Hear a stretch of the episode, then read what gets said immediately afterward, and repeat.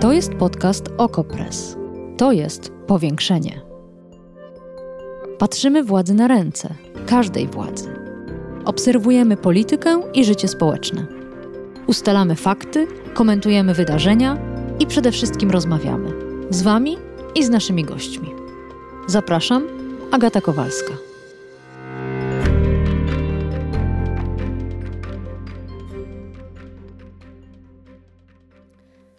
Kasia nie żyje, nie oddycha. Stwierdzono zgon.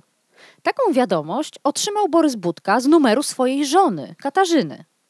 Tyle tylko, że jego żona stała obok. Wcześniej to do niej zadzwoniono z numeru męża z informacją o śmierci Borysa Budki. Daniel Flis, dziennikarz Okopres, odebrał telefon od znajomej, ale w słuchawce usłyszał metaliczny głos syntezatora mowy. Padło pytanie związane z tekstem, który napisał dwa dni wcześniej, po czym dzwoniący się rozłączył. Tyle tylko, że dwie godziny później do Daniela Flisa zadzwoniła policja z Przasnysza i dwa szpitale. Okazało się, że ktoś podszył się pod numer telefonu naszego dziennikarza i zgłosił fałszywe alarmy bombowe. Ten sposób ataku, choć wydaje się, że te dwie opowieści nie mają ze sobą nic wspólnego, nazywa się spoofing i o nim porozmawiamy w dzisiejszym powiększeniu.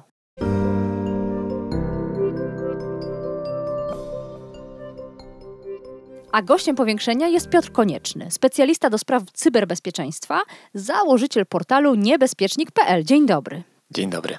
Były szef CBA Paweł Wojtunik, posłanka Paulina Matysiak, poseł Paweł Szramka, Dorota Brejza, Maria Giertych, a nawet Janusz Cieszyński, pełnomocnik rządu do spraw cyberbezpieczeństwa.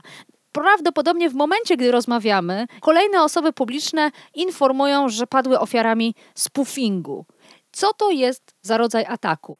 Technicznie ta nazwa tak naprawdę brzmi Caller ID Spoofing, czyli podszywanie się pod identyfikator rozmówcy w sieci telekomunikacyjnej.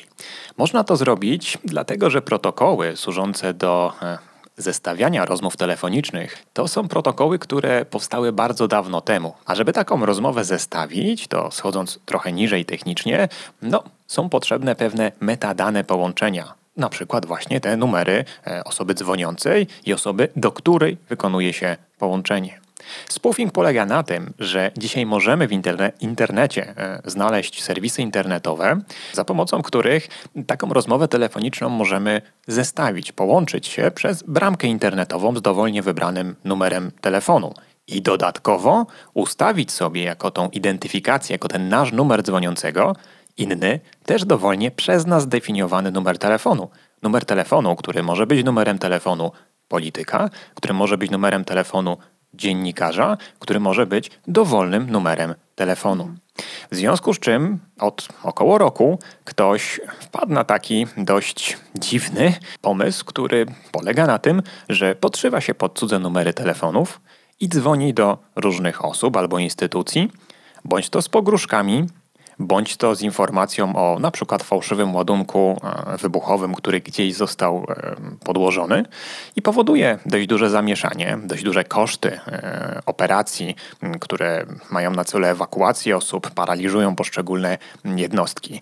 No jest to przykre, niestety technicznie jest to możliwe od dawien dawna i nie jest to w kręgach osób zajmujących się sieciami telekomunikacyjnymi czy IT żadna tajemnica, że coś takiego jest możliwe. Ale oczywiście Zresztą... my, media i wszyscy pozostali zaczęliśmy się tym interesować, kiedy ofiarami padły osoby publiczne. Natomiast mnie ciekawi, skąd taka nagła fala tych ataków. Pan powiedział, ktoś się w ten sposób od roku bawi. Ale ma Pan na myśli jakąś konkretną grupę, czy właściwie mogą to być zupełnie niepowiązane ze sobą osoby? Pisze się nawet o tym, że to po prostu nastolatki się tak bawią. To możliwe? Wszystko jest możliwe, dlatego że dostęp do tych narzędzi nie jest w żaden sposób ograniczony. Naprawdę każdy, kto znajdzie taki serwis internetowy, może takie połączenie zestawić. Psychopatów na świecie nie brakuje. Osób, które chcą zaogniać jakieś spory, też nie brakuje, a zdobywanie numerów telefonów, e, czy to dziennikarzy, czy, czy polityków, też wbrew pozorom nie jest wcale takie trudne, jak się ludziom wydaje. Bo ja zadam teraz pani redaktor pytanie, czy pani redaktor rejestrowała się w jakimś serwisie internetowym albo aplikacji ostatnio i podała tam pani swój numer telefonu? O, mnóstwo razy. Pewnie Państwo też się zastanawiają, czy to robili. Nawet zwykłe zamówienie paczki z kurierem wymaga podania swojego numeru telefonu. I teraz dobrze byłoby, żeby słuchacze udali się na taką stronę, e, której być może adres e, podadzą Państwo w opisie tego odcinka. Ona się nazywa haveibeenpwned.com. Mm -hmm, Tam można wprowadzić swój adres e-mail bądź też e, numer telefonu i ta strona pokaże, z jakich serwisów, z których korzystaliśmy, czyli tych serwisów, którym podaliśmy nasze dane, w tym numery telefonów, te dane zostały wykradzione, wyniesione przez pracowników albo wyciekły, innymi słowy, są upublicznione w internecie. Przecież w połowie poprzedniego roku był dramatycznie duży wyciek danych um, pochodzący z Facebooka. Numery telefonów i wskazania na e, nazwy profili, profili z nazwiskami. Także e, w tym wycieku znaleźć można e, numery telefonów wielu osób i podobnie w innych bazach. I prawdopodobnie e, ta osoba, bądź też już na tym etapie grupy osób, szukają sobie takich numerów telefonów należących do, nazwijmy to, osób publicznych. Zastanawiają się, co można byłoby zrobić, żeby podkręcić tak, jakiś, jakiś spór, zaognić jakąś sytuację i wykonują takie połączenia. Tutaj bardzo ważne jest też, żeby podkreślić, podkreślić i zrozumieć, że takie niestety połączenia wykonać można anonimowo, jeśli się wie, co się robi. A wszystko na to wskazuje, patrząc, że do tej pory sprawca mm, e, tego typu żartów e, no, nie został ujęty, że osoby, które wykonują takie połączenia, poprawnie, technicznie anonimizują swój adres IP, kiedy z tych bramek internetowych korzystają. No to niestety jest możliwe. Dobrze, to teraz przytoczę konkretną historię, ponieważ te, które podałam na początku, to są historie, w których dochodzi do bardzo nieprzyjemnej sytuacji. Ktoś może się naprawdę zestresować, myśląc, że jego bliska osoba umarła, albo tym, że policja e, dzwoni, bo doszło do jakiegoś pseudo-ataku bombowego. Natomiast mamy historię aktywisty wiosny z Lublina, Huberta Znajomskiego, który został zatrzymany przez policję, bo ktoś znów z jego telefonu czyli tak naprawdę z tej bramki, o której Pan mówi, podając numer telefonu znajomskiego, wydzwaniał i informował o alarmach bombowych. I policja weszła do domu znajomskiego, przeszukała jego mieszkanie, przeszukała piwnicę, zabrała mu telefon, komputer i laptopa, a sam znajomski spędził kilka dobrych godzin y, na komisariacie, zanim go stamtąd wydobył adwokat. W przypadku tych znanych osób, to policja przeprowadzała rozmowę, zamykała sprawę. W przypadku Znajomskiego tak się nie stało. Skąd ta różnica i czy Pana zdaniem policja tutaj prawidłowo postępuje? Są takie same przypadki youtuberów, są takie same przypadki prokuratorów nawet, tak? E, czy są takie przypadki innych osób, które są e, mniej publiczne, można by ich nazwać szarymi obywatelami, którzy również zostali w ten sposób przez tą osobę, przez tego podszywacza e, zaatakowani, że z ich numerów gdzieś wykonano połączenie i policja się do nich zwróciła. E, czasem to były mm, sytuacje, w której tylko zapukano, zadzwoniono, zapytano, zrozumiano, zaprzestano czynności, no a czasem niestety to były sytuacje, kiedy taką osobę potraktowano bardziej agresywnie. Być może dlatego, że albo prokurator, albo e, policja realizująca czynności nie do końca rozumiały, co się stało. Niestety, ale tej wiedzy technicznej brakuje również w tym środowisku, czy też można byłoby powiedzieć, brakowało w tym środowisku, bo od momentu, kiedy te ataki się nasiliły, czyli powiedzmy okolice e, grudnia, e, były wysyłane, wedle wiedzy, którą my dysponujemy, specjalne takie, nazwijmy to notatki służbowe i do prokuratorów i do policjantów, informujące, że w sytuacji, kiedy jest e, zgłoszenie o ładunku wybuchowym, w sytuacji, kiedy wygląda, że ktoś komuś groził i ma mamy do czynienia z rozmową telefoniczną, to pamiętajcie, że numer telefonu można podrobić. Zwłaszcza jeśli ten incydent jest związany z przekazaniem komunikatu głosowego, który jest syntezatorem mowy, bo wszystkie te przypadki, o których my rozmawiamy dzisiaj, e, czego nie wszystkie ofiary z jakiegoś powodu, nie wiem, e, zdecydowały się ujawnić, to wszystkie te przypadki to jest, nie jest rozmowa głosem tego na przykład dziecka, tak, czy jakiejś konkretnej osoby, mężczyzny, kobiety, dorosłej, tylko to jest syntezator mowy. Co oczywiście zrozumiałe, bo jeśli ktoś chce się podszywać i, e, i wykonać taką rozmowę, no to gdyby to przeczytał swoim głosem albo powiedział to swoim głosem, no to niestety, ale zostawiłby ślad, który byłby bardzo przydatny organom ścigania, do namierzenia tej osoby. Dlatego tutaj wykorzystuje się syntezatory mowy, które pisząc na klawiaturze, tak, niemalże w czasie rzeczywistym zamieniają to, co piszemy na mm, odpowiednio robotyczny, czy też jak, jak pani redaktor to nazwała, metaliczny e, głos. Tylko... I w, w, tym przypadku e, taki sprawca jest w stanie nawet komunikować się dwustronnie z tą osobą. Tylko tutaj jedna uwaga, bo my cały czas rozmawiamy teraz o fałszywych alarmach bombowych, które są na dodatek wysyłane z numerów osób zupełnie niewinnych. Ale przecież zdarza się, że mamy do czynienia z alarmami bombowymi, które są e, przeprowadzane po to, żeby na przykład sparaliżować szpital i też często za pomocą tego syntezatora mowy, żeby sprawca się e, mógł ukryć. Więc sam fakt, że tam jest syntezator mowy po drugiej stronie słuchawki, nie oznacza, że to jest tylko głupi żart. I tu pani redaktor trafiła w sedno. E, wiedząc, że są takie teraz nazwijmy to ataki bez pokrycia, tak? tak? Czyli po prostu, no nie wiem, głupie żarty, chociaż e, żart to jest chyba zbyt e, małej wagi słowo na opisanie tego, co, co tutaj ktoś e, próbuje zrealizować. Natomiast wiedząc, że mamy taką sytuację, e, to nie oznacza, że organy ścigania powinny każde nowe doniesienie traktować w tych samych kategoriach, bo słusznie pani redaktor zwraca uwagę, że za chwilę ktoś inny może zadzwonić i rzeczywiście w ten sposób, żeby no, zanonimizować się, poinformować o na przykład ładunku wybuchowym, który niestety będzie prawdziwy. Policja, organy ścigania muszą to e, weryfikować. Także moim zdaniem nie ma żadnego problemu w tym, żeby policja oddzwoniła na taki numer, e, odwiedziła taką osobę, natomiast e, zdając sobie sprawę z tego, że ta osoba jest osobą publiczną, jest dziennikarzem, no, wykonywanie przeszukania czy zabierania sprzętu tej osobie jest no, działaniem na wyrost, zwłaszcza, że i to policja może robić i generalnie organy ścigania, bardzo łatwo można sprawdzić, że osoba, która jest wrabiana przez podszywacza, faktycznie tej rozmowy, tego połączenia nie wykonała, bo wystarczy rzucić okiem na billing tej osoby, tam nie będzie połączenia wychodzącego, dlatego że to nie z jej aparatu, nie z jej karty SIM, nie z jej numeru telefonu prawdziwego konta abonenckiego, do którego ten numer jest przypisany, wykonano tę rozmowę. No do tego dostęp ma policja. No Ktoś po, prostu idzie na skróty i tego nie robi. No Ale właśnie. tu może też wyjaśnijmy jedną rzecz policjanci, e, którzy zajmują się tymi sprawami, czyli policjanci z, e, nazwijmy to tak, tak zwanych cyberów, tak, działów, które są poświęcone zwalczaniu e, przestępczości, cyberprzestępczości, przestępczości w internecie. To są policjanci, którzy doskonale zdają sobie sprawę z, z mechanizmu tego całego procederu, wiedzą jak się zachować. Natomiast w momencie, kiedy mówimy o podkładaniu ładunków wybuchowych, to tutaj jeszcze wkracza zupełnie jakby inna grupa policjantów, czyli tak zwani kryminalni, no, którzy już niekoniecznie mogą mieć tę wiedzę albo niekoniecznie będą e, chcieli ją skonsultować z innymi. Ja, Może też e, ja pośpiech czy czas gra ja na niekorzyść. E, tak, ale rzeczywiście chciałam wrócić do tej historii z Lublina, gdzie 6 stycznia Znajomski, czyli ten aktywista wiosny, jest zatrzymywany, zabierany mu sprzęt, Gazeta Wyborcza Lubelska informuje o tym 25 stycznia, wtedy z nim też rozmawia i to jest wciąż czas, w którym ten aktywista nie ma telefonu, komputera i laptopa i wciąż toczy się postępowanie w jego sprawie. Pan mówi, wystarczy sprawdzić billing.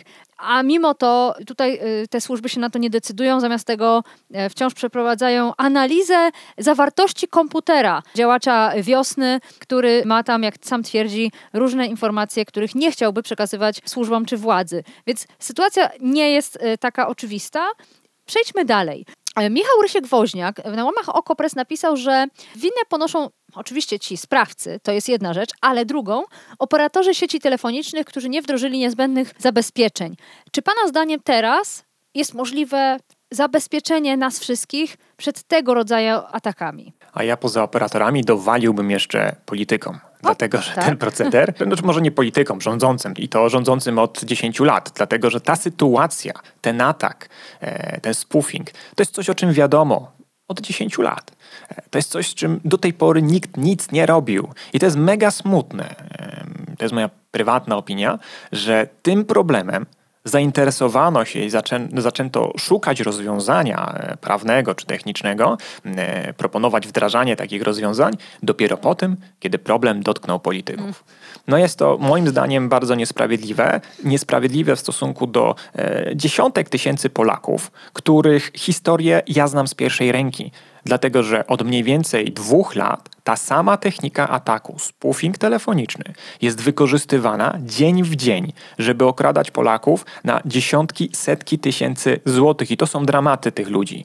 A ona jest wykorzystywana w taki sposób, co pewnie e, część słuchaczy miało okazję niestety doświadczyć, że odbieramy rozmowę i dzwoni do nas ktoś, kto łączy się z nami z numeru infolinii naszego banku i mówi: Panie Piotrze, dzwonię z Pana banku, zaobserwowaliśmy podejrzaną transakcję. Będziemy musieli teraz zrobić i tak dalej, i tak dalej, co w konsekwencji prowadzi do okradzenia tej osoby, ale ta osoba, która odbiera to połączenie, zespufowane połączenie, gdzie przestępcy podszywają się pod infolinię jej banku, gdzie znają jej e, część danych osobowych, znowu pochodzących z wycieków, to, to ta osoba, e, no, no, no ona wierzy, że dzwoni ktoś z banku, e, chce sobie pomóc.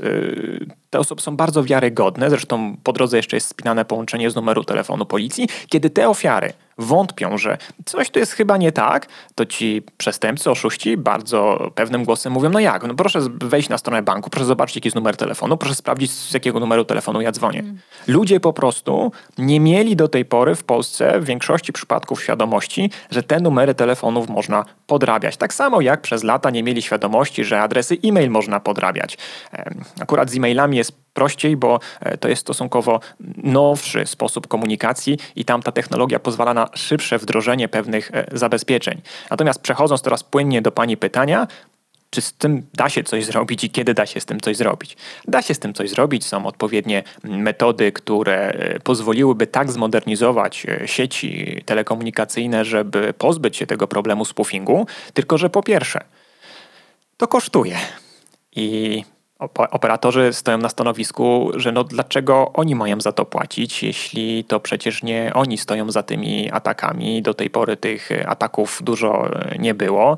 No i tak w ogóle generalnie wyglądają sieci telefonii e, komórkowej czy też e, stacjonarnej, że te pewne metadane można podrobić. Oni ze swojej strony nie umożliwiają tego swoim klientom, natomiast może się tak zdarzyć, że gdzieś w Indiach albo gdzieś na Białorusi albo gdzieś w Stanach Zjednoczonych będzie operator, który na to pozwala już będzie można e, w ten sposób, bo to są naczynia połączone, połączyć się także e, z Polakami. Druga sprawa jest taka, że nawet jeśli zgodzimy się tutaj w Polsce wszyscy i znajdziemy finansowanie na to, żeby tego typu mechanizmy wdrożyć na poziomie operatorów, to ktoś musi za to zapłacić. A po drugie, czas e, realizacji, wdrożenia tych wszystkich mechanizmów zajmie no, długie miesiące. Ja nie sądzę, że to będzie szybciej niż rok. A poza tym, jak zwrócił uwagę jeden z e, operatorów, to musi być działanie solidarne, mhm. co oznacza, że wszyscy operatorzy w Polsce musieliby te same rozwiązania e, wdrożyć. No bo jak jeden nie wdroży, no to będzie można, już nie wchodząc w szczegóły techniczne, i tak łączyć się z polskimi klientami, właśnie wykorzystując słabość tego jednego e, operatora. To jest naprawdę skomplikowane technicznie problem, ale z punktu widzenia osoby, zwykłego Kowalskiego, nie ma szans dzisiaj, żeby ktoś odbierając rozmowę, patrząc na ekran swojego telefonu, widząc numer, który, który mu się pojawia, e, czy też od razu jest e, przez e, system operacyjny telefonu komórkowego podmieniany na wpis w książce kontaktowej, jeśli taki numer telefonu ktoś ma w książce kontaktowej dodany, żeby taka osoba była w stanie powiedzieć: Tak, to jest moja mama, to jest moja córka, to jest mój znajomy, to jest mój bank. Na tym etapie nie jesteśmy w stanie tego mhm. zrobić. Nie mamy żadnych możliwości jako klienci, żeby zrozumieć, że to połączenie, które zaraz odbierzemy, jest połączeniem zespufowanym, podrobionym. Więc my możemy się zorientować tylko po samym e, odebraniu tej rozmowy, po treści tego połączenia, po, po głosie, jeśli znamy głos rozmówcy. I tutaj może taka dobra rada. E, tego problemu nie mają komunikatory. E, komunikatory, którymi dzisiaj wiele osób się posługuje. One też pozwalają nam dzwonić do siebie, nawet wideo dzwonić dzwonić e, do siebie czy wysyłać e, wiadomości, ale w tych komunikatorach te ataki spoofingowe nie mają miejsca, bo tam następuje, techniczne słowo, coś takiego, co nazywamy uwierzytelnieniem kryptograficznym rozmówcy. Więc nie da się skraść czyjejś tożsamości i z cudzego profilu, e, numeru czy identyfikatora mhm. komunikować się to masowo. No dopóki są... oczywiście tej osoby nie zajmie się telefonu, tak? Jasne. Tutaj za to występują inne problemy, choćby wirusy, które stale krążą po Facebooku w prywatnych wiadomościach wiadomościach od znajomych dostajemy miłą wiadomość, napisane jest na przykład spójrz, to chyba ty na tych zdjęciach i link. Tak, e, myślimy, tak. że to znajomy nas gdzieś odnalazł, a jeszcze nasze zdjęcia, no to oczywiście, że klikniemy zainteresowaniem, a się okazuje, że to wirus. To już Ale ja zrównoważę, a ja mhm. zrównoważę, bo e, w zwykłych e, sieciach komunikacyjnych mamy SMS-y, po których też przychodzą informacje o przesyłce, która była za ciężka albo wymaga dezynfekcji i można by porównać te ataki ze sobą, Absolutnie także tak. E, niech one się zrównoważą.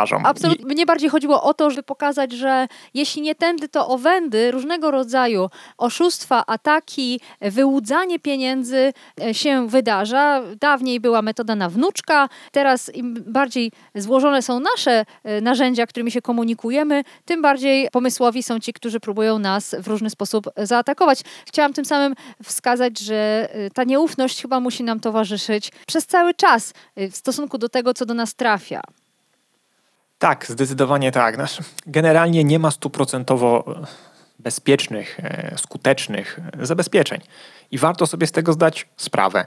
My możemy tylko i wyłącznie, piękne słowo, minimalizować ryzyko do akceptowalnego poziomu. Dla każdego z nas ten akceptowalny poziom będzie trochę inny i każdego z nas też da się na jakiś sposób podejść. Ale jeśli mówimy o oszczędnościach, bo mm, gdyby zapytać ludzi, co dla nich jest najważniejsze, to często odpowiadają właśnie, że, że, że, że pieniądze, oszczędności, że, że, że bez tego mm, swojego dostępu do oszczędności, mm. konta, no, ma, mieliby duży problem. Tak? E, to, że komuś wyciekną dane, to paradoksalnie wielu Polaków mówi, e, dobra, wyciekły wczoraj, wyciekną dzisiaj, na pewno jakieś wyciekną. Ludzie trochę się do tego przyzwyczaili, bo też tych danych wyciekło tak bardzo dużo, że przestępcy no, żerują na tych danych, ale to nie oznacza, że, że przerobili już wszystkie ofiary. Tak? I wielu Polaków jeszcze ten problem nie, kradzieży tożsamości czy jakichś ataków nie dotknął, dlatego że jeszcze do e, ich wiersza w tej wyciekniętej bazie danych jakaś grupa przestępcza monetyzująca te A, dane no nie właśnie. doszła. Cieszę się, że pan Więc to powiedział, jeśli... bo powiedział pan na początku naszej rozmowy, że istnieje taka strona Have I Been Pwned, gdzie można sprawdzić, czy należymy do tej wielkiej bazy ale co możemy zrobić dalej? Nawet jeśli tam się okaże, że owszem, no to cóż z tego? No możemy się tylko chyba zmartwić możemy się zmartwić i możemy się zastanowić, jakie nasze dane wyciekły i przygotować się na to. No jeśli mhm. wyciekł numer naszego dokumentu tożsamości, wraz z kompletem innych danych, a już na pewno ze skanem, mm, który mogliśmy danemu serwisowi, bo część serwisów czy usługodawców może taki skan naszego dokumentu legalnie przetwarzać, jesteśmy zobowiązani, żeby im go przekazać, no to jak najbardziej trzeba rozważyć zastrzeżenie takiego dokumentu, bo za chwilę możemy się obudzić z kredytem. Trochę gorzej, że w Polsce na przykład każdy obywatel jest identyfikowany numerem PESEL i to jest numer identyfikacyjny, coś jak rejestrację na samochodzie można byłoby porównać i powiedzieć. Natomiast z niezrozumiałych dla mnie powodów, a tak naprawdę wiem, że chodzi o wygodę i oszczędność finansową, wiele firm i spółek mhm. uwierzytelnia w kontakcie niebezpośrednim daną osobę, swojego klienta właśnie po tym numerze. Czyli firmy zakładają, że nikt poza właścicielem swojego PESEL-u tego PESEL-u nie, nie zna. A to nie jest prawda. Przecież jeśli ktoś jest w KRS-ie, czyli zajmuje stanowiska zarządcze, zarządcze w spółce, to jego PESEL jest jawny. Jeśli ktoś kupił nieruchomość, to jego PESEL jest w księgach wieczystych. E, numery PESEL wielu osób są publicznie dostępne, a w wielu przypadkach można je w ogóle pozyskać czy łatwo ustalić z innych źródeł. A tu się okazuje, że lwia część e, systemów, na przykład też u operatorów telefonii komórkowej, e, identyfikuje klienta tylko i wyłącznie po podaj nazwisko, podaj PESEL, dziękuję, to ty, co możemy dla ciebie zrobić, co możemy przerekonfigurować. No to jest szalene, szalenie istotny problem i też do tej pory nikt z tym nic nie robi. Natomiast wracając do, do finansów, no to będzie smutne, co powiem, ale załóżmy, drodzy Państwo, że prędzej czy później, niezależnie od tego, jak jesteśmy sprytni, inteligentni, znajdzie się ktoś, kto jest lepszy od nas, kto nas zmanipuluje, e, podejdzie i kto nas po prostu oszuka, okradnie. To będzie smutne. Ale to, co możemy dzisiaj zrobić, to na przykład nasze oszczędności przenieść również na inne zapasowe konto w innym banku. Jak kiedyś dojdzie do tego, że zostaniemy okradzeni, to zawsze będziemy mieli część oszczędności w innym miejscu, które pozwolą nam przeżyć albo chociaż zatrudnić prawnika. Jeśli nawet zdarzy się taka sytuacja, że jeden z banków dozna awarii, co, co też się przecież zdarza i na dwa czy trzy dni niektórzy zostają bez środków, no to w tym przypadku też mamy taką poduszkę finansową, e, zapasową w innym miejscu. Jedną z technik radzenia sobie z problemami jest taka takie duplikowanie, e, no w tym przypadku oszczędności to nie jest duplikowanie, tylko po prostu rozdzielanie, e, ale wykonywanie kopii zapasowych, czy taka redundantność, to jest, to jest jeden z mechanizmów, który mamy tutaj do dyspozycji. On jest smutny, bo on nie rozwiązuje problemu. On pozwala nam po prostu na pewne koło ratunkowe, dodatkowe, kiedy już jesteśmy w wodzie i kiedy się topimy. No ale lepiej mieć takie koło ratunkowe, topiąc się, niż go nie mieć, moim zdaniem. E, I to jest e, ta pesymistyczna informacja, którą warto byłoby przemyśleć i być może zrobić to teraz, bo jak dojdzie do takiego incydentu, no to już będzie za późno. To już my nie będziemy mogli z naszego kradzionego konta przelać środków na e, założone konto w innym banku po to, żeby się uratować. I niestety pokutuje tutaj coś, co wiele razy w naszym narodzie się powtarza: mądry Polak po szkodzie. Na koniec, Wyobraźmy sobie, że w tym momencie dzwoni do pana z mojego numeru ktoś i jest to dziwny telefon. To nie ja dzwonię, bo my w tym momencie rozmawiamy. Jakie kroki by pan podjął? Coś by pan zrobił? Ja nie muszę sobie, pani redaktor, tego wyobrażać, bo e, nasza firma również była ofiarą tego typu e, działań, m, dlatego że te działania, i patrzę teraz dokładnie, e, marzec, 16 marca 2021 roku. Od wtedy one trwają. To były pierwsze telefony z syntezatorami mowy, które zostały wykonane, wedle mojej wiedzy, na telefony e, trzech osób związanych z bezpieczeństwem IT i jeden z tych numerów należał do naszej firmy. Mhm. Także być może wtedy się to zaczęło. Co zrobić, kiedy usłyszymy coś takiego?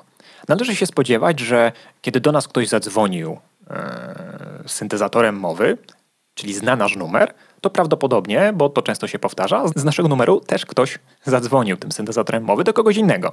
Nie wiemy, co powiedział, nie wiemy gdzie, dlatego warto byłoby po odebraniu takiej rozmowy, mm, jeśli mhm. będą ponowne rozmowy, a często są, spróbować nagrać taką rozmowę, to może być dobry materiał dowodowy, na później zgłosić się do najbliższej komendy policji i uzyskać status pokrzywdzonego. Aha. Wytłumaczyć, co się stało, pokazać nasze podejrzenia właśnie po to, żeby mieć pewnego rodzaju sygnał i kwit, że no my jesteśmy tutaj ofiarą, a nie przestępcą. Dziś jestem już praktycznie pewien, że niewiele będzie sytuacji, w których e, organy ścigania nie będą świadome tego, co się stało, bo to jest no, tak nagłośniona sprawa, że, że naprawdę e, każda osoba będąca e, policjantem, nawet spoza tej sekcji cyber, powinna zdawać sobie z tego sprawę, co, co tutaj mogło się zdarzyć. I to jest jedyna możliwość, jaką, jaką mamy. Nic więcej nie możemy zrobić. Po prostu musimy czekać, aż osoba bądź grupy osób, osób, które wykonują te ataki, popełnią błąd. Powinie im się gdzieś nóżka, o czymś zapomną, czegoś nie zrobią poprawnie i zostaną przez e, organy ścigania ujęte i rozliczone za to, co od prawie że roku wykonują. Piotr Konieczny, specjalista do spraw cyberbezpieczeństwa, założyciel portalu niebezpiecznik.pl. Tam też Państwa odsyłam, chociaż jest to lektura porażająca, ile niebezpieczeństw czyha na nas w sieci i w świecie cyfrowym w ogóle. Bardzo dziękuję za rozmowę. Powiększenie. Podcast Okopres. Prowadzenie Agata Kowalska. Podcast znajdziesz na stronie Okopres i w Twojej ulubionej aplikacji do podcastów. Redakcja Okopres działa od 2016 roku. Jesteśmy obywatelskim narzędziem kontroli władzy, obecnej i każdej następnej. Okopres utrzymuje się z Waszych darowizn. Wesprzyj nas, byśmy mogli działać dalej.